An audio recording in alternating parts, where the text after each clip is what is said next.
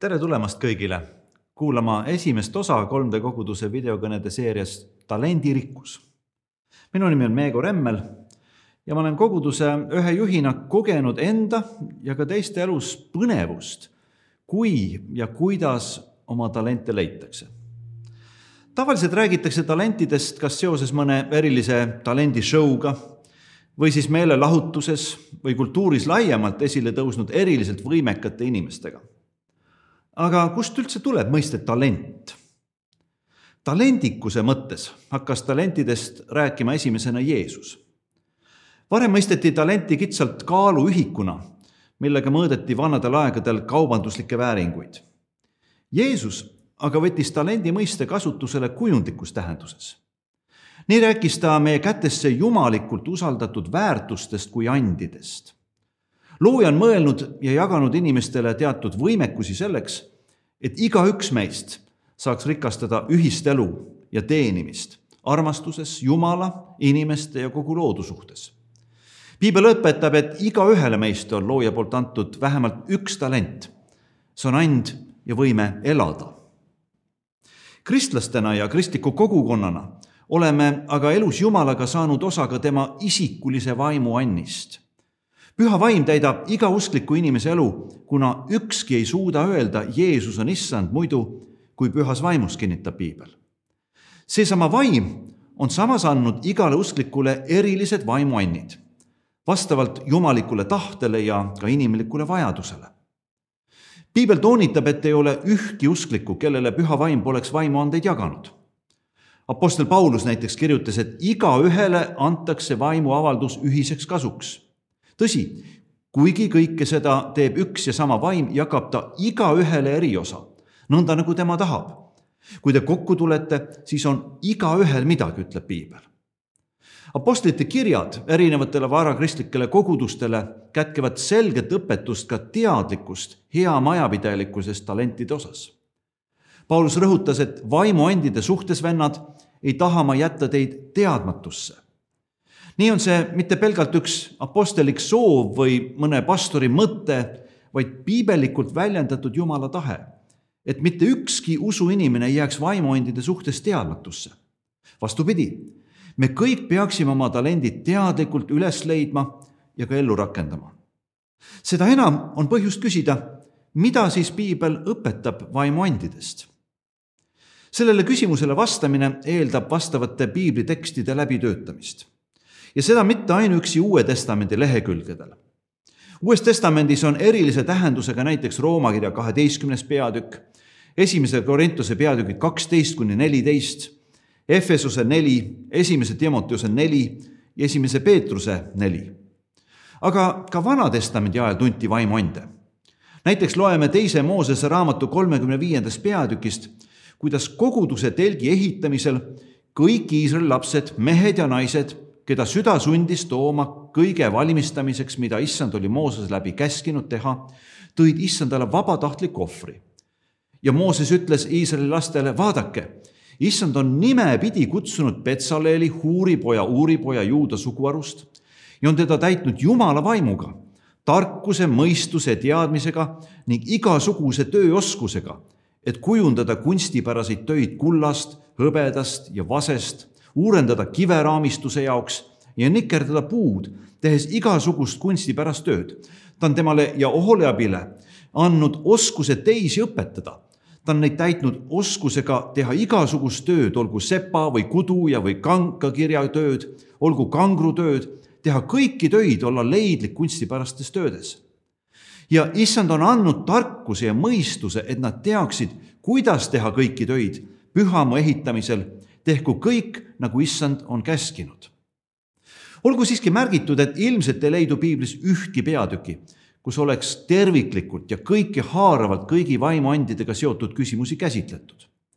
ka ei pretendeeri ükski vaimuandide nimistu Uues Testamendis eh, iseenesest täielikule süstemaatilisele loetelule varakristliku koguduse elus rakendatud vaimuandidest. ka tänapäeva piibli uurijad ja kaasaegse koguduse elu asjatundjad ei pea ühtki vaimuandide käsitlust ainutõele pretendeerivaks ega ühtki vaimuandide loetelu või liigitust niisuguseks kõikehõlmavaks. Pole ime, kui eri aegadel tulevad ristikoguduse minevikus või olevikus ja ka tulevikus esile nimelt neile aegadele ja nendele oludele iseloomulikud talendid. samuti me ei peaks imestama, kui mõnedes kogudustes ilmnevad mingitel seletamatutel põhjustel teatud annid, teistes kogudustes jälle teised. Sõltuvalt sellest, kui laialt või kitsalt andega määratleda, on kindlasti enam või vähem kattuvaid ande. me ei tohiks kunagi unustada, et püha vaim on issand tervele ülemaailmsele koguduse ihule. ja nii on ta andnud talendidki kogu ülemaailmsele kogudusele ihule ülesehitamiseks ja Kristuse missiooni täitmiseks. Paulus, kes kuulutas Kristust püha vaimu juhtimisel väga erinevatele rahvastele, väga erinevates paikkondades ja kultuuritraditsioonides, kirjutas korintlastele. armuandides on küll erinevusi, aga vaim on seesama. ja teenimisviisides on erinevusi aga issand on seesama. ja väeavaldustes on erinevusi, aga Jumal on seesama, kes teeb kõike kõikides. aga igaühele antakse vaimuavaldus ühiseks kasuks. sest me kõik oleme ühe vaimuga ristitud, üheks ihuks, olgu juudid või kreeklased, olgu orjad või vabad ning me kõik oleme loo-, joodetud ühe vaimuga, sest ihu ei ole üks liige, vaid paljud liikmed nii on selge, et erinevate andide loomis, avaldumis ja ellurakendamise taga on üks ja seesama jumalik isik. seepärast ei ole põhjust koostada mingeid andide paremusjärjestusi. raske oleks leida piibelikku alust ka arusaamisele, et ühed annid on taevalikumad või üleloomulikumad kui teised. piibel õpetab selgelt, et kõik annid on ühtviisi taevased ja maised, üleloomulikud ja loomupärased. küsimus on, kas ja kuidas on meie elu ja annid täidetud püha vaimuga. ja kas Jumala teenimises ja meie püüus selles on lihtsalt iseenda, enda kesksus või mina kesksus või tõepoolest me oleme pühendunud Jumalale. Kristus soovib, et me teeniksime teda nii, nagu me oleme ja andidega on samamoodi nagu Kristusega, need on täiuslikult jumalikud ja nad ka täiuslikult inimlikud. Aga mis siis on üldse vaimuannid? piibel määratleb vaimuande kui Jumala enese vaimu läbi Kristuse koguduse ihus avalduvaid võimeid. ja tänu nendele võimetele saavad inimesed võimestatud Kristuse sarnaselt üksteise teenimiseks ja Kristuse missiooni täitmiseks. mitte kusagil Uues Testamendis ei õpetata, nagu oleks vaimuandide olemasolu inimeste teene või koguduse kui inimeste teene. Vaimuannid avalduvad otseselt tänu Jumala vaimu tegevusele koguduselt ja koguduse liikmetelt eeldab see vaid vastuvõtlikku avatust. vaimuandide esiletulek üheuskliku elus ei tahaks tõsta seda inimest kuidagi esile, vaid ta tõstab esile koguduse issanda ja koguduse teenimise. iga konkreetne vaimuand on selle juures Jumala poolt antud inimesele selleks, et ehitada üles midagi kollektiivset. individualistlikke vaimuande piiblis ei ole Apostlite kirjades manitsetakse kogudust ja ka koguduse liikmeid vaimuandeid innukalt taotlema ja nende olemasolu hea majapideliku kasutamise eest intensiivselt Jumalat paluma. samas jäävad vaimuannid ikka jälle ka sõna otseses mõttes armuandideks, kreeka keeles karismata ehk need on Jumala armust meile antud. ja vaevalt ükski kristlane suudab ühtegi armuandi kuidagi loojalt välja teenida. vastupidi, vaim on andnud täpselt nii, nagu tema tahab ja me võtame need alandlikus meeles vastu ja asume teenimistööle. armuannid ei ole mingid aumärgid meie rinnas, vaid tööriistad, millega Jumal tahab, et me järjepidevalt teeniksime. Jeesus ja ka tema apostlid õpetavad, et vaimuandidega kaasneb andja ees ka kohustus neid õigesti kasutada, vastutus. püha vaim teab täpselt, miks ja kuidas ta kellelegi mingisuguseid andeid on jaganud. Ja iga kogudus ja iga koguduse liige on otseselt vaimu ees vastutav kuidas ta oma annid leiab ja teenimisse rakendab. põhiliselt räägitakse Uues Testamendis vaimuandides, aga ka mitmuses. ja seda rohkem kui ühel põhjusel. esiteks, me loeme Apostlite tegude raamatust, et püha vaimu töös ilmneb see, et vaimuand on ainsuses selles mõttes, et see on konkreetne isik, kes on meile antud. Püha vaim on konkreetne isik ja tema and antakse meile, kui me usume Jeesusesse ja võtame tema pääste vastu. näiteks nelipühapäeval Peetrus jutlustas, parandage meelt ja igaüks teist lasku ennast ristida Jeesuse Kristuse nimesse oma patud andeks andmiseks ning siis te saate püha vaimu anni. samamoodi kirjeldatakse püha vaimu andmist paganatele Korneliuse juures, kui öeldakse, usklikud ümber lõigatud hulgast, kes olid Peetrusega kaasa tulnud, ehmusid sellest, et püha vaimu andi valati ka paganate peale. aga teine põhjus, miks vaimuannid peaasjalikult mitmuses esinevad, on tõsiasjas, et armuannid on üksteisega lahutamatult seotud.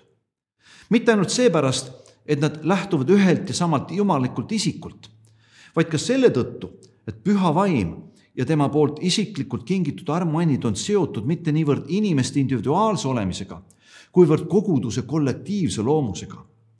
püha vaim töötab eelkõige koguduse kaudu ja sellepärast ei ole ka vaimuandide osalised mingid koguduse välised üksused, üksiküritajad või enesekesksed individualistid. looja kauneim sool on maja, maailma ajaloos juba Jeesuse poolt esitatud. nüüdisaegne teos, mida looja tahab esitada oma vaimu kaudu, on sümfooniline, kus igale vaimuannil on mõeldud partii oma kohta ja selles suures pildis korraga leiab harmoonilise terviku. ja lõpuks võiks vaimuandide mitmuses nimetamist põhjendada ka sellega, et mitmed neist on olemuslikult komplekssed. see tähendab, nad on nagu kobarannid, kus ühe armuanni olemasoluga kaasneb ühtlasi ka teise armuanni esiletulek või vajadus. erinevate vaimuandide piirid on sageli ähmased, üks läheb teiseks, teiseks üle ja nii on ka minu elus olnud kogemus nagu sellest, et vaim on jaganud ikka rohkem kui ühe anni. samal ajal kui inimesed, kes oma talenti kasutavad leiavad korraga, et nad võivad mitmega teenida. ja mõned inimesed, kes ütlevad, mis on mulle antud, on kuidagi kibestunud ja enesekesksed, nad ei leiagi, et neil ande oleks. kuidas siis oma vaimuannid ära tunda?